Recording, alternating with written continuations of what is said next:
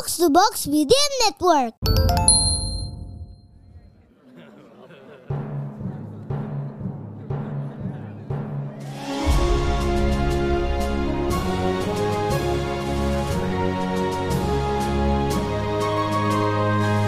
Perhatian, perhatian. Dongeng Paman Geri akan segera dimulai. Semua anak dipersilahkan untuk berkumpul.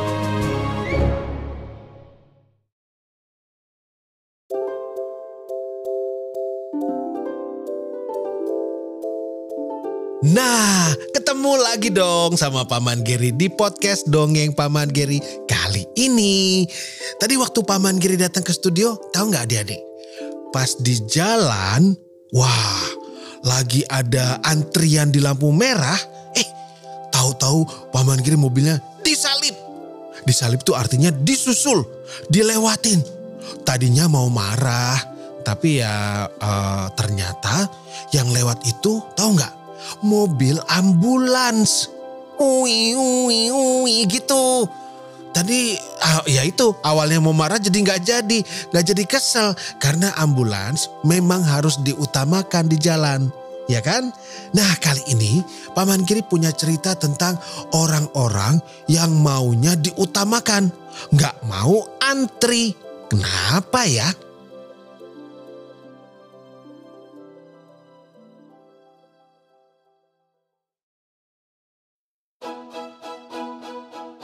Di suatu kerajaan yang luas di negeri dongeng, di sana hiduplah seorang pangeran sematawayang. Ada dia tahu artinya sematawayang? Artinya itu adalah anak satu-satunya dari ratu yang berkuasa. Pangeran itu bernama Pangeran Pedro. Wah, Pangeran Pedro adalah seorang pangeran muda yang baik hati dan juga jujur. Tapi ya em, karena dibesarkan di lingkungan istana, dia itu agak sedikit sombong. Eh, eh sebenarnya bukan sombong sih adik-adik, tapi Pangeran Pedro itu tidak pernah tahu bagaimana kehidupan yang ada di luar istana. Jadi sejak dia lahir, dia dikelilingi dan juga dimanjakan dengan berbagai harta benda.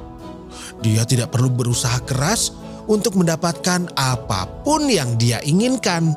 Dan Pangeran Pedro pikir semua orang itu kehidupannya sama seperti dia. Sama beruntungnya, sama punya banyak hartanya, dan juga tidak perlu bekerja. Pangeran Pedro nggak tahu kehidupan rakyatnya seperti apa.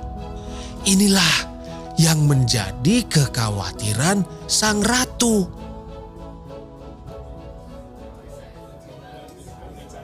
Anakku, bersiaplah. Ibu akan memberimu tugas keluar istana. Tugas keluar istana? Wah, seru sekali. Tugas seperti apa ibu? Kau harus mengantarkan beberapa karung gandum dan jagung untuk rakyat di desa. Mereka sedang kekurangan pangan. Panen mereka gagal. Supaya mereka menerimamu, kamu harus menyamar ya. Tidak boleh berpakaian seperti pangeran. Tugas menyamar? Wah, seperti cerita di buku-buku saja. Baiklah ibu, aku akan bersiap-siap. Pangeran Pedro bersemangat sekali melaksanakan tugas dari ibunya. Ia segera meminjam pakaian rakyat jelata dari kusir istana dan membawa uang seadanya. Pagi itu juga, ia membawa gerobak kayu berisi berkarung-karung gandum dan juga jagung dibawa ke desa. Ratu sebenarnya agak khawatir, tapi inilah jalan terbaik untuk memberikan pelajaran kehidupan pada anaknya. Hari hampir siang, pangeran tiba di desa. Warga desa yang kenal satu sama lain langsung tahu bahwa si pangeran itu adalah orang asing. Mereka menyambut dengan ramah, tapi tetap waspada. Pangeran langsung menuju pasar terdekat. Ia menaruh gerobaknya di satu sudut, lalu beristirahat. Tapi mendadak ia haus sekali. Pangeran langsung menuju sebuah sumur di pasar itu. Sebenarnya banyak orang yang sedang mengantri di sumur itu. Masing-masing membawa ember, ada juga yang membawa botol. Rupanya desa ini sedang dilanda kekeringan. Hanya ada satu sumur itu yang masih ada airnya. Pangeran membawa botol minumnya mendekati sumur itu.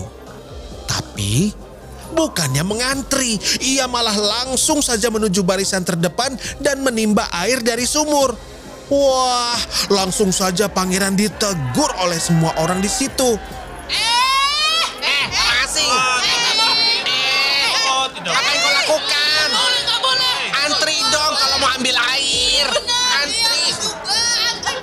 Eh, Antri? Apa itu maksudnya? Aku sudah haus sekali. anakku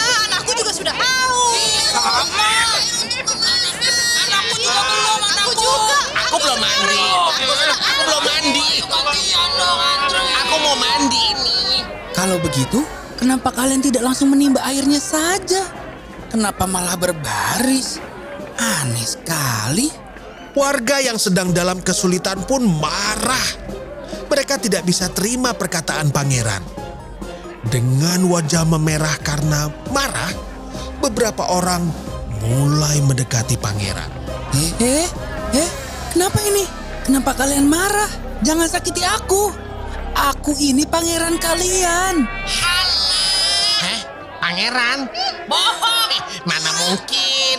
Pangeran kok pakaiannya jelek kotor lagi. Palsu, palsu, palsu. Kita, kita harus waspada. Iya, iya. Jangan-jangan dia mau mencuri persediaan air kita. Masa dia ngaku pangeran? Cuak. Kibul, kibul. Pangeran sudah terpojok. Ia takut sekali.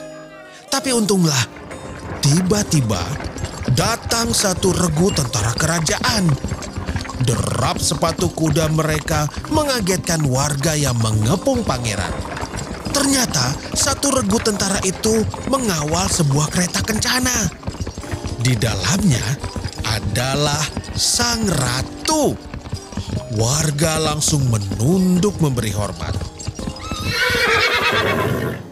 Warga desa yang baik, tolong jangan sakiti anakku. Aku yang menyuruhnya ke sini untuk membagikan gandum dan jagung. Aku tak mengira ia akan mendapat masalah. Mendengar perkataan ratu, kini warga malah memberi hormat pada pangeran. Mereka meminta maaf atas perlakuan buruk mereka padanya. Tentu saja pangeran memaafkan. Tapi ia juga ingin diberitahu apa yang menjadi kesalahannya. Kenapa warga begitu marah hanya karena ia mengambil air? Akhirnya, seorang warga memberitahu pangeran tentang keadaan di desa dan juga tentang budaya antri. Setelah mengerti, pangeran pun gantian meminta maaf dan berterima kasih pada warga. Sejak saat itu, pangeran sering berkunjung ke desa dan ia senang berada di antara rakyatnya yang pandai dan punya banyak pengalaman hidup. Ratu pun jadi tenang karena sekarang putra mahkotanya semakin bijaksana dan tidak lagi menjadi jago istana saja. Yeay, dongengnya sudah selesai. Jumpa lagi di dongeng Paman Geri selanjutnya.